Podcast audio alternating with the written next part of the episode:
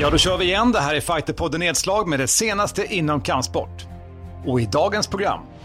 Det var en späckad MMA-helg. Hur gick det egentligen för våra svenska fighters? Och det har kommit en ny världsmästare i boxningens cruiservikt.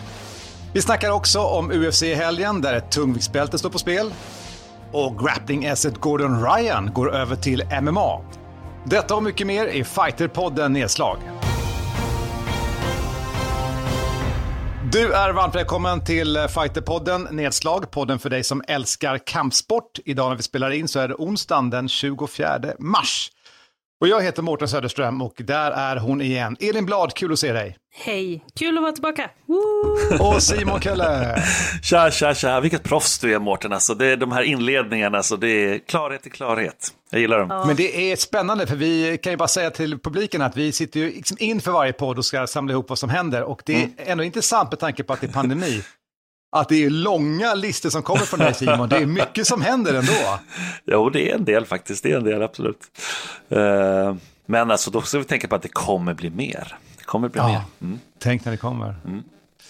Då tänkte jag fråga direkt Elin, tittar du på någon MMA i helgen som var? Eh, det gjorde jag faktiskt inte. Jag, jag har varit så jäkla upptagen de senaste två veckorna med alla möten i och kampsportsförbundet. För alla underförbund ska jag ha årsmöten. Och jag har mm. suttit som ordförande på ett gäng av dem. Eh, bland annat så här, Shorinji Kempo, eh, All Style, eh, fullkontaktskaraten. Ikväll ska jag sitta på Bojinkan och imorgon är det Taido och jag det, det snurrar ihop sig lite i huvudet. Så jag, jag har lagt väldigt mycket tid på det. Jag måste fråga dig Elin då, alltså vad, vad är din känsla när du liksom pratar med de här, eller när du liksom på de här olika förbunden. För att det kom ju siffror häromdagen eh, att det var 531 095 färre träningar 2020 än 2019 i Svenska Bud Så det är ju liksom en det är helt annan verklighet just nu. Men vad är din känsla när du pratar med förbunden? Alltså alla är ju väldigt, väldigt drabbade av pandemin. I stort sett alla underförbund som, eh, som jag har suttit på möte med, de har tappat medlemmar. De har inte kunnat genomföra sin verksamhet, alltså när de ska gå igenom verksamhetsberättelsen så alla inleder med ja, det har ju varit pandemi och det, det, det har varit skitjobbigt för väldigt många. Eh, vissa Vissa har liksom valt att skala tillbaka ganska mycket. Till exempel Bojinkan som jag ska sitta med ikväll. De har ju som förslag att betala tillbaka medlemsavgifterna till sina föreningar. För de har ju inte kunnat genomföra någonting. Och då tycker de att då ska inte de sitta och samla pengar på kontot. Och vissa förbund har fortsatt bränna pengar. Även när det liksom inte har funkat så bra. Lokaler kostar väl liksom och sånt. Det är mycket ja. det. Mm. Så är det ju. Mm. Shit, alltså. Ja. ja, det är bra att du håller ordning på det, Elin. Jag tror att däremot att jag och Simon, vi kollade på MMA i helgen. Vi kollade, jävlar vad jag kollade på MMA. Men du, alltså, vi, och nu inte var med förra podden, kan, inte, kan inte du bara säga, det var så många galor så jag kommer inte ens ihåg dem. Ja, alltså det var ju UAE, det var cage, tre Cage Warriors, det var UFC, alltså det var ju så jävla mycket. Och, var det tre Cage Warriors? Tre ja, Cage Warriors i rad. Wow. Torsdag, fredag, lördag. Och två UAE. Eh, så det var ju verkligen så här, eh, sex skalor eller någonting på tre dagar. Och, eh, och vi hade en bunt svenskar som var med förstås, men det kanske vi ska prata om snart. Jag tänkte det nu, alltså mm. okay. det var ju, um, vi börjar egentligen, Rostan Ackman, ja. ja. Och vi kan säga som det var, han blev ju mm. knockad. Ja, men han blev ju dessvärre knockad i sin debut då i Cage Warriors. Och han är faktiskt tveksam på om han ska fortsätta. Eh, jag sa faktiskt, tänkte det direkt efter, att liksom eh, jag undrar alltså hur motiv hans motivation kommer vara. För det, nu mötte han en kille som är jävligt stor talang som heter Ian Gary. Som håll koll på honom. Det är, en, alltså, det är inte det nästan en ny Hamsat? Alltså kanske inte riktigt. Det, jag vet att jag sa det innan på det, men det är kanske lite överdrivet. Men Var han, kom han ifrån? Eh, från England. Eh, men han är liksom eh, ruggigt bra eh, stil och han, han är ung liksom så att han, det känns som att han kommer bara växa och bli ännu bättre. Det, det, riktigt vass stående, men han tog också ner, Rostem är bra på backen liksom. Han tog ner honom mm. och höll på att försöka strypa honom, men Rostem lyckades eh, undkomma det. Men sen blev ju tyvärr Rostem totalt knockad, verkligen grovt knockad också. Det var lång tid han låg ute. Ja, det var obehagligt. Ja, det var läskigt. Och det var jätteläskigt liksom och, och det känns som att han eh, han drog ett, ja. liksom, upp på sociala medier att han var, faktiskt var lite tveksam på om han kommer fortsätta. Ja, men jag förstår att man får sig en riktig tankeställare. Att det inte har varit samma sak efter UFC, skrev han ju. Men om man säger eh, då om, om Rosten hade mm. motgångar så hade ju Tobias Harela framgångar. Vi har pratat om, herregud. Och vi har nämnt det förut, tidigare har det varit i Sverige framförallt det här med, mellan Tobias Harela och Adam Westlund. Och nu då trampar liksom Tobias Harela upp till Cage Warriors. Och wow. många sa så här, kommer han klara av det? Har han vad som krävs? Är det en snackis eller sådär? Och den killen har ju verkligen vad som krävs. Ja, han har verkligen, alltså, det är på alla sätt och vis. Alltså, det är show, han kommer in med någon så här eh, killer clown direkt med ett jättestort kors över bröstet. Alltså, han, eh, han bjuder upp till någonting unikt. Han säger Sweden is in the house när han har knockat eh, Aiden Steven i första ronden, 1.14 in i matchen. Och det är liksom, han, ja, de alla kommer försöka ta ner Tobias Harlow. Han blir nedtagen faktiskt i början av den här ronden. Men mm. han är ju grym. Det visade han, jag kommer inte ihåg det sommar, somras där Mårten i Brave när han mötte ändå svartbälte liksom, i brasiliansk jiu-jitsu och lyckades bli nedtagen flera gånger men ställde sig upp. Så han har verkligen övat på det och eh, han, han ger ju lite en aura av eh, typ Conor McGregor, alltså att han är lite, han är lite extrem, han är liksom det känns som att det är en edge kring honom. Det är någonting som, det händer grejer där kring honom. Det är spännande matcher, alltid. jag tänkte bara på en grej som du sa där, för det är mm. såklart mm. att han, han har ju verkligen pulver i händerna. Då, då, blir det också det här klassiska som jag själv, som jag varit med så pass länge och lyssnat och tittat ja. liksom på MMA, att ja, men den stående fighter har nog svårt på backen, men det är inte så. Den här nya generationens MMA-fighters, eh, mm. alltså dels kan de scrambla jättebra, alltså göra lite fina rörelser, men de är så jävla disciplinerade att direkt komma till bur väggen, klättra upp och det var eh, precis där som eh, Tobias liksom hamnade i helgen. Han snabbt tog sig ur det här, kom upp, fast du tänkte att oh, undrar om han kommer överleva på backen. Men det gör ja. de, de överlever. Ja, för de är så pass breda idag och talangfulla. Ja, verkligen. Och hans ground and pound, alltså jävlar vad han slår hårt. Det är, det är ruggigt och det är många, tror jag, som kommer att åka på en nit mot eh, Harila. Men det är klart att förr eller senare när man är så utpräglad stående fighter så, så vill ju folk så här, skicka den svåraste brottaren till slut på en sån där person. Så ja, det är, förr eller senare så kommer man springa på någon riktigt svår som kanske bara till och med tråkar ut honom också. Man, den personen blir frustrerad. Men det har du ju sett, eller hur? Elin? Lägger sig på rygg, du vet. Lägger sig på rygg. Ja, ja. Sköldpaddan. Det är definitivt en grej. Det skulle jag säga. Alltså det, jag tror att det är få som förstår liksom hur, hur moraliskt nedbrytande mm. det är att ligga och bli hållen på marken. Jag tror att man ja. kunde se det i eh, matchen mellan Adesanya och Blahovic. Mm. Att det, mm. där var det ju, man såg liksom hur hans moral bara bröts ner mm. efter en tid. För det, man, man, det, det, är svårt att hålla uppe när man blir nerhållen. Ja men verkligen, jag har brottats faktiskt en gång med en, ett, ett brunbälte som är expert på, på, han har vunnit liksom Europamästerskapen och grejer, men han är expert på att hålla nere folk. Alltså bara hålla på sig själv. Alltså, alltså, alltså, han gick typ nästan inte på någon lås, man bara det kunde inte ta sig loss liksom. Och dessutom en lättare kille än mig, så det var så jävla frustrerande. Och liksom, det, det, eller hur Mårten? Det måste ju du varit med ja, ja, ja, men alltså skojar du? Precis Otroligt frustrerande. Och ännu värre när någon är lättare och känns mycket tyngre än du själv ah, är inser att ja, en bra precis. press. ja, det var verkligen, alltså, äh, usch. Ja. Men det var, fler, det var fler matcher, det var fler svenska ja, matcher. Ja, fortsätt. Eh, så Ali Taleb, eh, riktigt talangfull skåning. Han gick sin tredje proffsmatch på UAE Warriors 17 i Abu Dhabi vann alltså dominant. Det här är spännande, han är grym, han är riktigt bra. Det är, så här, det är kul, hur långt kommer han gå? På TKO vann han den matchen. Sen hade vi Malin Hermansson som eh, gick också på UAE Warriors som eh, mötte världsmästaren i BJ, Corinne Laframboy eh, från Kanada som eh, är världsmästare som sagt i BJ och hon, alltså Malin höll på att strypa henne. Hon, höll på, Nej. hon fångade henne i ett stryp, höll på att dra ut världsmästaren i BJ. Malin Vilket jävla kvitto. Malin är boxningschamp liksom. Eh, men alltså Corinne lyckades ta sig ur det och sen så vann hon kommande rond i, på en armbar.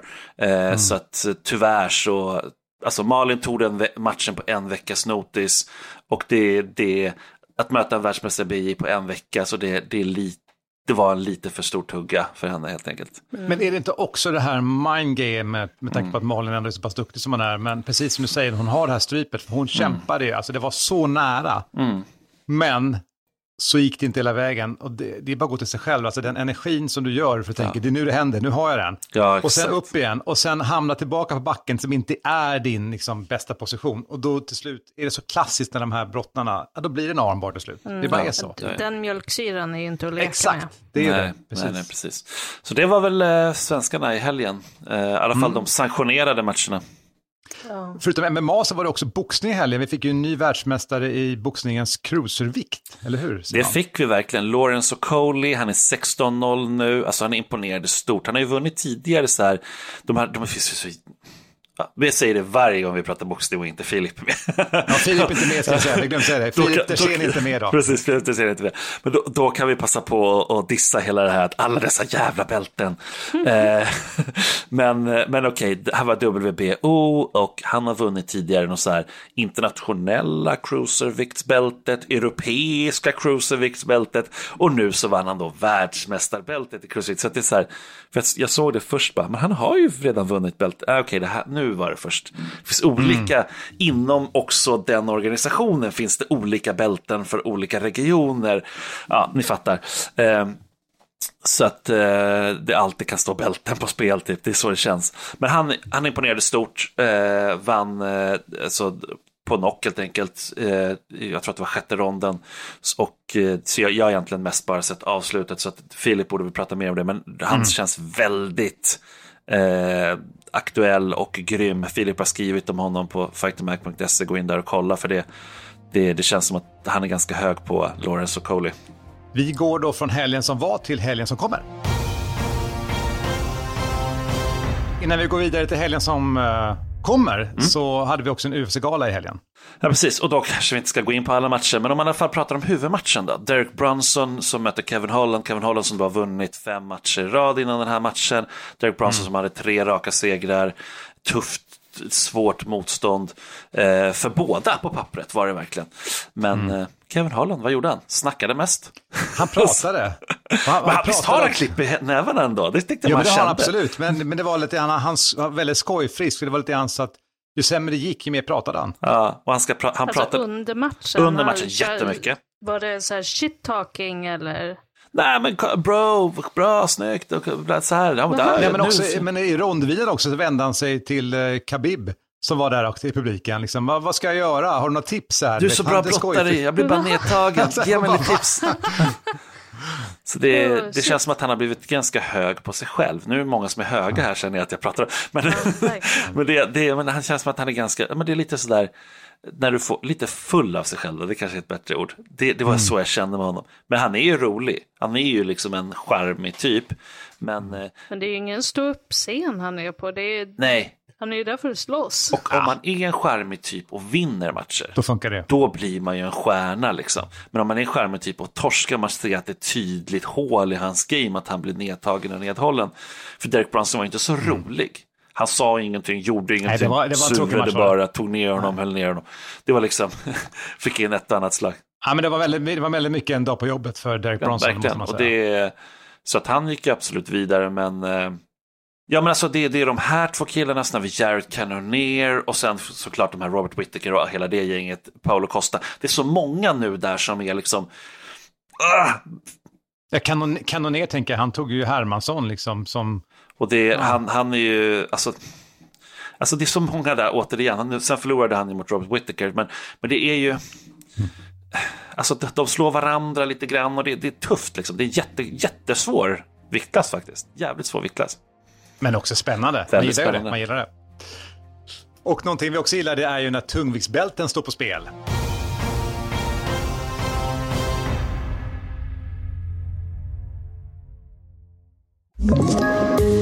Poddtips från Podplay. I fallen jag aldrig glömmer djupdyker Hasse Aro i arbetet bakom några av Sveriges mest uppseendeväckande brottsutredningar. Går vi in med hemlig telefonavlyssning och, och då upplever vi att vi får en total förändring av hans beteende. Vad är det som händer nu? Vem är det som läcker?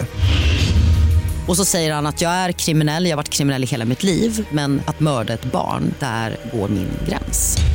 Nya säsongen av Fallen jag aldrig glömmer på Podplay.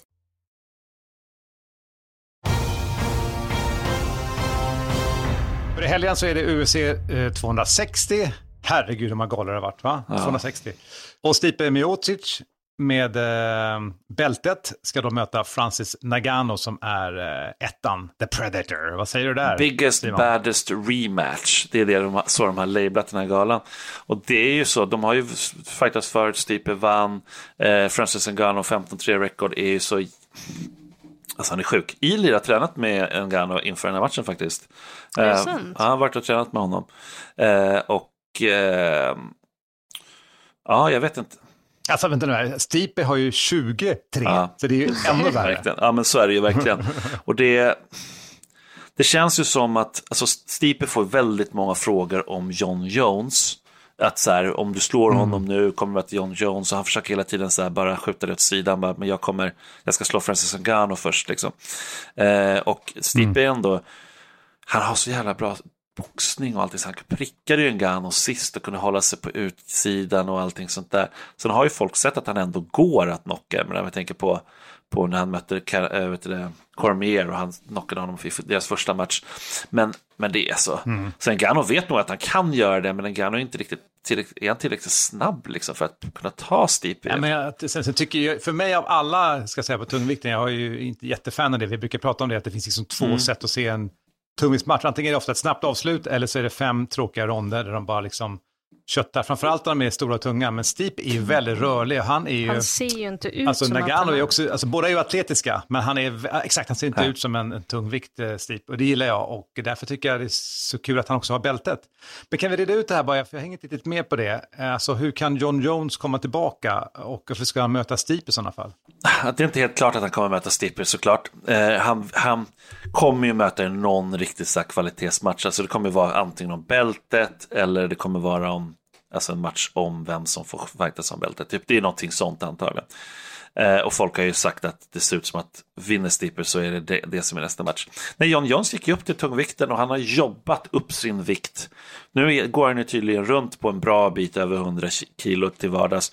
Och eh, liksom har ju verkligen eh, successivt byggt på muskler och allting så att, och, och försökt behålla sin snabbhet ändå. Så att, jag kan nog tänka mig att Stipe och John Jones kommer nog vara ganska lika i sina stats, alltså viktmässigt och längdmässigt. Stipe är också lång, får- det får vi inte glömma. Det är som att man tänker så här att Francis Ngannou, han är ju ett, liksom ett monster, ett djur. Men Stipe är ganska stor också, det är bara det att han är, han är lean liksom. Så att han är, han är smidig. sätt. Men jag tror att John Jones sätt. skulle kunna bli jättefarlig i tungvikten. Det, Ja. Jag hoppas att vi får se honom där snart. Ja, men det kommer vi. Tänk dig också att Cormier, av, han mötte ju skitmånga Mm. i tungvikt. Jag menar, det var ju där han började. Förlorade bara en match, sin sista mot Stipe Miocic i tungvikt. Så att det är ju så här, det är ju, eh, och då John Jones slog Cormier två gånger. Så att jag menar, det på pappret så håller jag med dig Elin, John Jones, alltså det är, han är farlig och, och en nytänd John Jones också. Som har, för att det, han försvarade bältet och det var lite si och så de sista han matcherna. liksom, men... har han släppt sitt så här superdestruktiva, så här, nej men precis, håller han fortfarande på liksom och knarkar och kör in i saker och alltså, håller han fortfarande på och stökar eller har han skärpt sig? Jag, jag tycker inte man får höra något om det. Nej, och det, verkar ty- och det brukar ju ofta tyda på någonting bra. Och eftersom att han också tränar, det visas ju bilder på honom att han går upp liksom i Normalt sett att gå upp i vikt brukar ju vara dåligt, men han, går, han visar bilder på att han går upp i vikt. Men det är att, det är att han tränar upp sin vikt så att säga. Och det är ju svårt också att lägga på sig eh, alltså, bra kilon om man säger så också. Och särskilt ju äldre man blir, Ja. han blir ju inte yngre. Nej, det blir han inte. Jag tänkte vi ska gå vidare. Eh, Mm. Innan vi pratar om eh, grapplingsässet Gordon Ryan så tänkte jag Mm. faktiskt stanna kvar bara kort, som du är med Elin nu här, eh, kring MMA. För det var en osanktionerad MMA-gala i Ja, Sverige. precis. Eh, och vad är det här och hur funkar det här Alltså egentligen? det, när man pratar om så här osanktionerade galor, det är ju helt enkelt, ska du, ha, ska du anordna matcher eller liksom, ska du anordna där två personer möts och det är full kontakt mot, eh, mot huvudet med slag och sparkar och det ska utses en vinnare, då ska du ansöka om tillstånd. Och det är, det, det, är liksom, det är ingenting som är påhittat bara för att Budoförbundet eller något annat ska tjäna pengar på sanktionsansökningar eller sånt, utan det här är liksom baserat på en lag. Alltså det finns en kampsportslag som är anledningen till att vi får utöva fullkontaktskampsport i Sverige. Det var ju förbjudet under ganska mm. lång tid.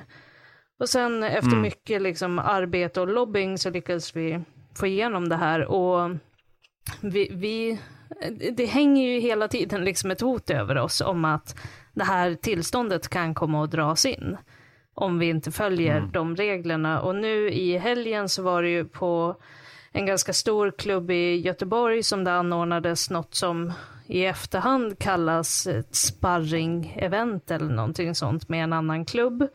Där eh, personer som var eh, under åldersgränsen tävlade i mm -hmm. regelverk som inte är tillåtna och det som liksom ytterligare försvårar är att det var personer som då var engagerade i Svenska MMA-förbundet på ganska hög nivå som var med liksom anordnade och dömde det här. Och det, det är ett jätteproblem. Alltså det... Fast med, med, bara det med den faktorn tänker jag att då är det arrangerat där de tänker att det här är ju inte en MMA-gala, utan det är som du säger, du måste ju luta dig mot att det här är någon typ av sparring. Vad var det som gjorde att det här inte var en, en sparring utan att det verkligen uppfattas som en MMA-gala? Liksom hel, hela inramningen att, uh, att, det, att det är liksom det är announcements, det är en domare i ringen, det utses en vinnare, det är liksom tidtagning och alla de sakerna och framförallt att det var med en annan klubb. Alltså det, mm. det går att komma undan med ganska mycket kan, kan man ju säga när man gör det internt på klubben. Men eh, mm. när det sker på ett sånt här sätt, då, det, det är svårt att säga att det inte är en match. Särskilt när personerna själva liksom säger att ah, det här är min MMA-debut. Mm. Simon? Alltså, jag tänker så här att det är eh, det är väl dags att, alltså, det behöver inte vara just i det här fallet, men det här kommer ju förr eller senare om det här sprider ut sig ännu mer, eller så är det redan nu, kommer det ju liksom prövas. Det behövs ju någonstans alltså prövas, alltså det behövs prövas internt och sådär saker och, och även då kanske Kanske till och med att det behövs prövas högre instans. Det gjordes ju med senap, Avesta senap MMA. Då var det ju, vet, som man garvar alltid åt när man hör. De körde ju liksom eh, gala i, i trädgården mm. och grillade tillsammans. Och det var ju folk, där var det ju inte någon klubb alls liksom. Och det var ju mitt ute på, på ett fält, eller ute vid en lada. Och det var ju, eh, och de åkte ju på böter och det blev ju liksom, då trodde man ju mm. så att nu är det satt i sten, nu är det liksom, vad heter det, prejudikat, så att det, att det kommer, att nu kommer det folk hålla sig till det, för man kan ju titta på den mm. domen. Mm. Va? Liksom. Mm. Så att det är ganska, ganska klart att man kan i alla fall bli fälld och få böter om man har liksom utomhus. Men eh, på en klubb, alltså det, det, det, blir, det är ju gråzon. Det är gråzon. Och det är så svårt att få mm. polisen att ta i det här. Alltså det, det var ju något mm. fall som var där i Halmstad, jag tror att vi pratade mm. om det i podden. Och, och då, mm, just det, just det. då liksom när de de hade gått till polisen och liksom pratat om det här, då, då hade ju de bara sagt, jaha, är, är det olagligt? Alltså de, de har ja, ingen koll och det, det finns förmodligen för lite resurser för att bry sig om att utreda det. Mm. Vi kommer nog komma tillbaka till det här tror jag i Fighterpodden. Men nu ska vi prata om eh, en kille som är duktig på grappling. Vi har pratat om uh, grappling-esset Gordon Ryan tidigare här i podden, som framförallt du Elin har som en favorit, eller hur? Ja, alltså, han, han är ju otroligt duktig. Faktiskt. Ja. Alltså det, som utövare går det liksom inte att säga någonting om det. Sen är, är han rätt knasig, men han är ju verkligen en karaktär. men alltså, det, det, har varit ganska mycket snack. Han har ju länge liksom hintat om att han kanske ska gå till MMA, men om man bara har följt honom eh, över de senaste Eh, Eh, senaste månaderna, egentligen senaste veckorna. Vi har ju pratat om honom på senaste tiden just för att det, han, han har mer och mer sagt på att det finns ingen som kan utmana mig. Jag tar varenda match oavsett, jag kan betala er för att tävla mot mig ur egen ficka. Och han, han tycker liksom att alla inom grappling är så pass mycket sämre än honom att det inte ens är kul längre. Och... Ja, framförallt det här att han också utmanar brassar och sätter in pengar, alltså när det ja. blir lite mer, där det är mycket det här med respekt och så vidare, där blir det känsligt Exakt. så de inte vågar. Och nu ska han helt enkelt då för att få motstånd ordentligt gå över till MMA. Ja, det verkar ju så. Han har väl signat med uh, One FC. Det, det är det Precis. som... Och det, alltså han är ganska, han är ganska, han är väldigt ung. Jag tror att han är 24-25 år eller något sånt. Och Han, han, har ju, han är otroligt duktig på marken och är otroligt atletisk och en, en grej med honom är att han kämpar ganska mycket med hälsoproblem. Alltså han har mycket problem med magen som gör att han är, han, han är illamående hela tiden och kan knappt mm. äta normalt. Vilket har gjort att uh, han har tappat i vikt och inte kunnat liksom gå upp så mycket som han vill. Så, alltså, med den utmaningen som hade kunnat få vem annars som helst liksom, att vilja lägga av, så väljer han ändå att ta det här steget. Jag, jag tycker det ska bli skitspännande. Jag har ingen jag aning om han har någonting att komma med stående, men kan han ta ner en snubbe så är det ju kört. Ja, alltså det ser ut som att han kommer fightas som en tungviktare. Och det är just det där som är problemet då, om han inte får ner någon. Eh, och ja, med tanke på att det är tungvikt, alltså jättemånga kommer han nog kunna mangla. Mm. Alltså verkligen bara ta ner, dra ut eller rulla in en nibar. Alltså han har ju sån fantastisk guard också. Alltså det är så här, det... han är sjuk. Så att han kommer så här rulla, alltså han behöver bara få en fot så är det slut. Men liksom, också, direkt. han är ju så ung och så atletisk. Mm. Så jag ser liksom inte varför han inte skulle kunna lära sig hyfsad boxning heller. Och sparkar. Ja, nej, men precis. Mm, ja. Han, är ju, han är ju också under, det är väl Gary Tonon som har, alltså han har, har väl fått sitt svartbälte av honom tror jag. Ja, han, är han är ju 6-0 i MMA. Under Henso ja. Gracie. Han har ju flyttat till ja, Puerto Rico nu för att öppna mm. eget med John Danaher som är hans eh, ja huvudtränare. Precis. Som är ju lite freaket liksom bakom många av de här, hela det där Death Squad. Jag har varit och tränat med honom.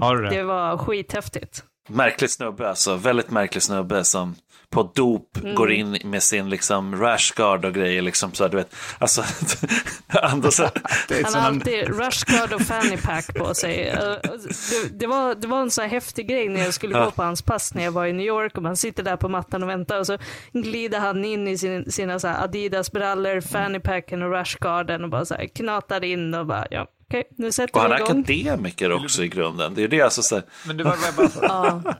Vad är en fanny pack? Kan du förklara det?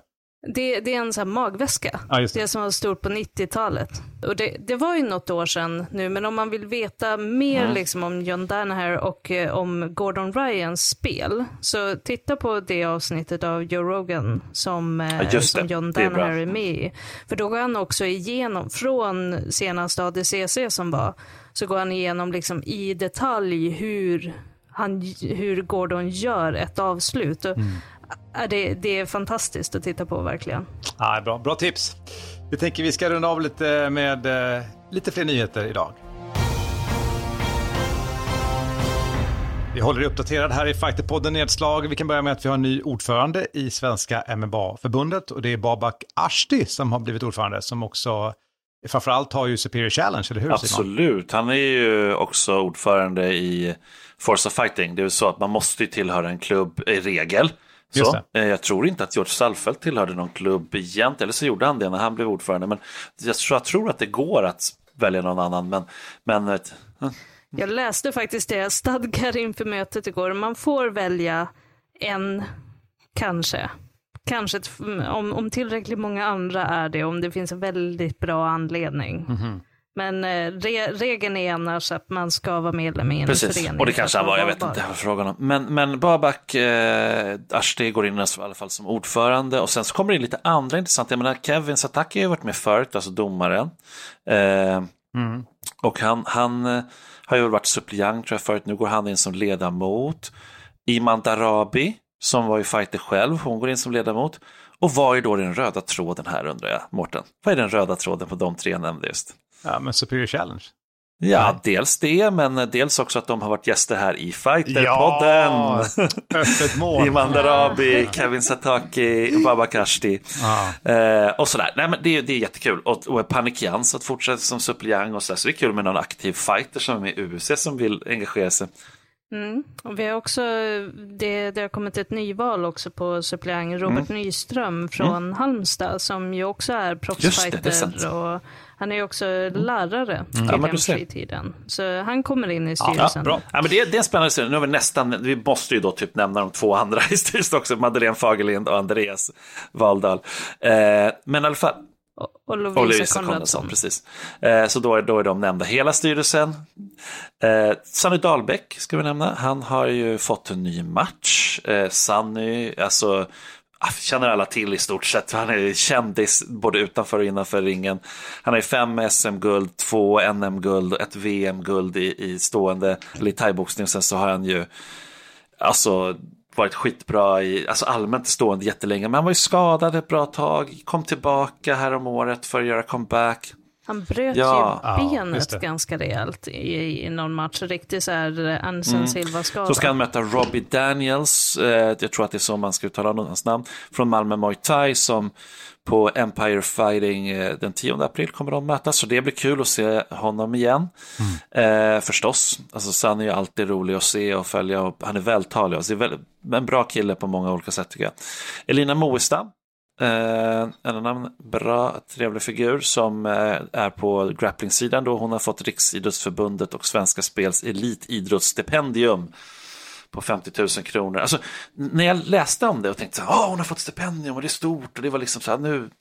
Och så så här, jag vet inte, är det inte lite pengar ändå? Eller alltså, så här, Fem, 50 000? 50, 50 000 på ett år. Det var andra året. Alltså, absolut, hon pluggar så alla pengar är väl bra pengar och det är oskattat liksom. Så det, det är väl mm. jättebra att de får dem. Absolut, In, ingen, ingen sån att, liksom, man ska vara, att det är girigt nu från mig, men jag tänker att vet, förändrar det jättemycket? Kanske gör det när man pluggar, jag kommer inte ihåg. Alltså det, det, det, är ju just för de personer ja. som pluggar och det är ju för att de istället för att arbeta extra för mm. att kunna få ihop vardagen ska kunna ta de här pengarna okay, och sen okay. träna ja. istället. Så det, det, handlar ju inte att, det här ska ju inte vara någon ersättning nej, för nej, lön, okay. utan snarare så här, gör livet lite enklare så att du inte behöver gå och flippa burgare ja, men det är bra. Ja, men då fattar. för att klara av att göra och det är skattefritt, så det, men då fattar jag det bättre. Men vad säger du Mårten? Alltså jag, jag reagerade ändå på det. Nej, men alltså, jag hade önskat att det var mer pengar. Det är som du säger, ja. hade det varit kanske en annan idrott och sådär. Men eh, mm. jag tycker det är kul för Elina. Grattis, hon är jätteduktig. Ja, men verkligen. Ja, men det och hon verkligen. och Max Lindblad som då är hennes kille, de har ju också nu en egen klubb. Har ju eh, lämnat Prana och startat en egen klubb sedan ett år tillbaka. Mm. Det, och det gör de mitt i pandemin, alltså det är ja. så jäkla, jäkla speciellt. Det visste de nog inte när de startade tror jag, det var nog Nej, precis. precis. Ja. Habib eh, Nurmagomedov har ju nu officiellt också lämnat in sitt bälte, pensionerat sig från MMA. Han ska träna fighters säger han, han ska träna Islam ah, Makachev och Luke Rockhold. Men jag sa ju det för förra podden, jag tror bara att det där är en hype, alltså så här, gör det ännu mer intressant. Men det kan vara att han också som sagt är så hängiven till att uh, ta steg vidare. Men jag tror att han kommer komma tillbaka. Alltså, han, ja, alltså, han är ju Det kanske borde klia i det och jag menar, fan han är knappt 30. Tänk om han är borta ett, ett, år nu här och tränar andra fighters och sen så kommer det ändå upp det här, du vet, uh, ska inte han och McGregor mötas igen, du vet, den fighten, ja. de pengarna. Men den ja, inte jag se. Alltså, annan då? Filip sa en jävligt bra grej, där Filip Dersén som är mer normalt, han sa ju det att tänk om Islam Makachev som han tränar får stryk typ så här någon bältesmatch eller du vet någonting, får rejält med stryk. Det skulle kanske kunna locka Habib att komma tillbaka. Va? Du har slagit min broder.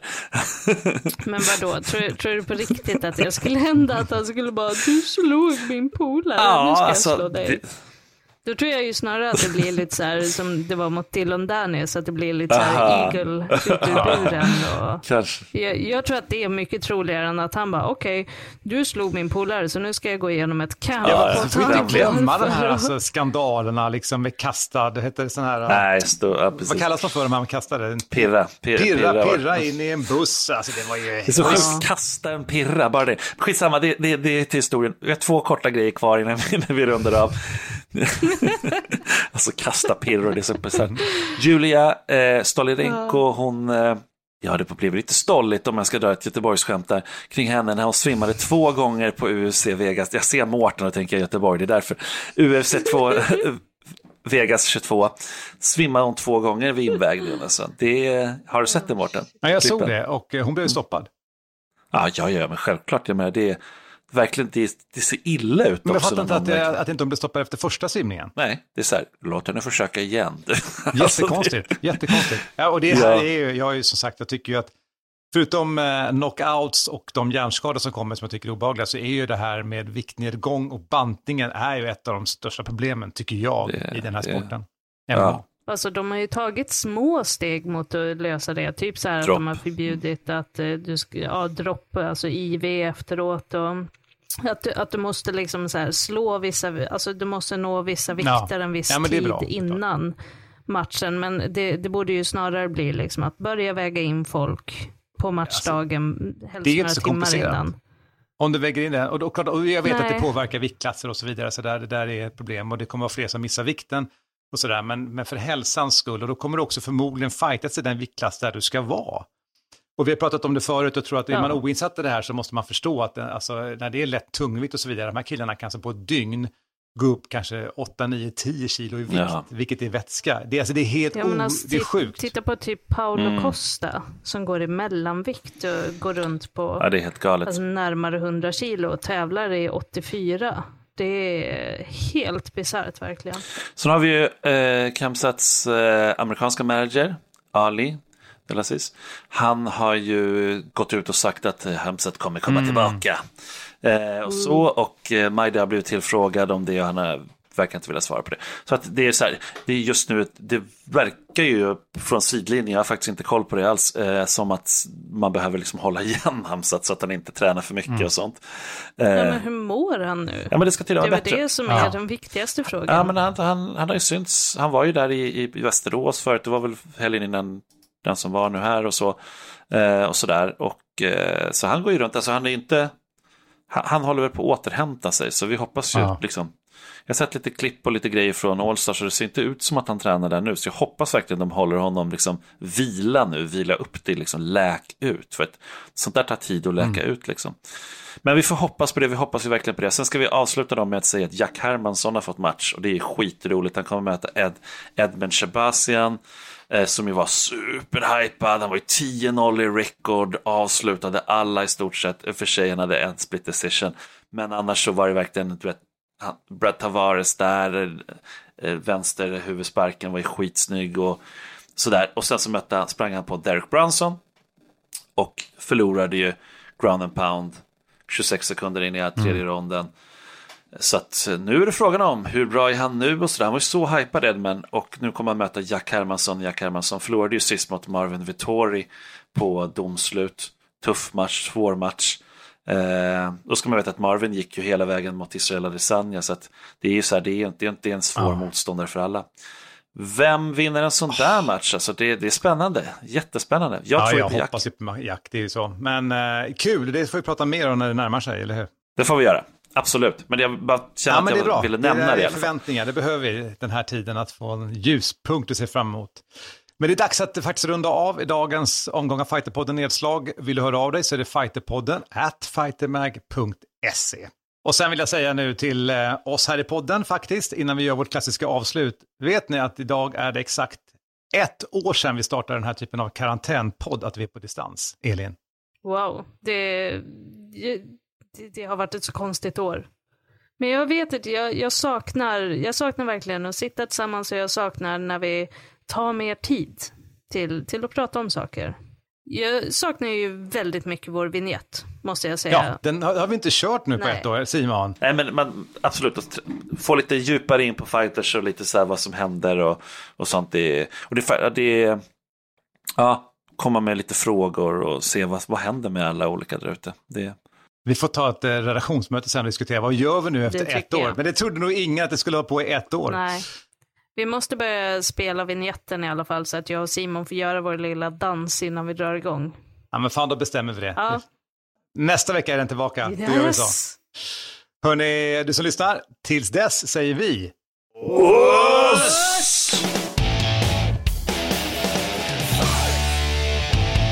Fighterpodden produceras av Suba Media för Radio Play. Ett poddtips från Podplay. I fallen jag aldrig glömmer djupdyker Hasse Aro i arbetet bakom några av Sveriges mest uppseendeväckande brottsutredningar. Går vi in med hemlig telefonavlyssning och, och då upplever vi att vi får en total förändring av hans beteende. Vad är det som händer nu? Vem är det som läcker? Och så säger han att jag är kriminell, jag har varit kriminell i hela mitt liv men att mörda ett barn, där går min gräns. Nya säsongen av Fallen jag aldrig glömmer på Podplay.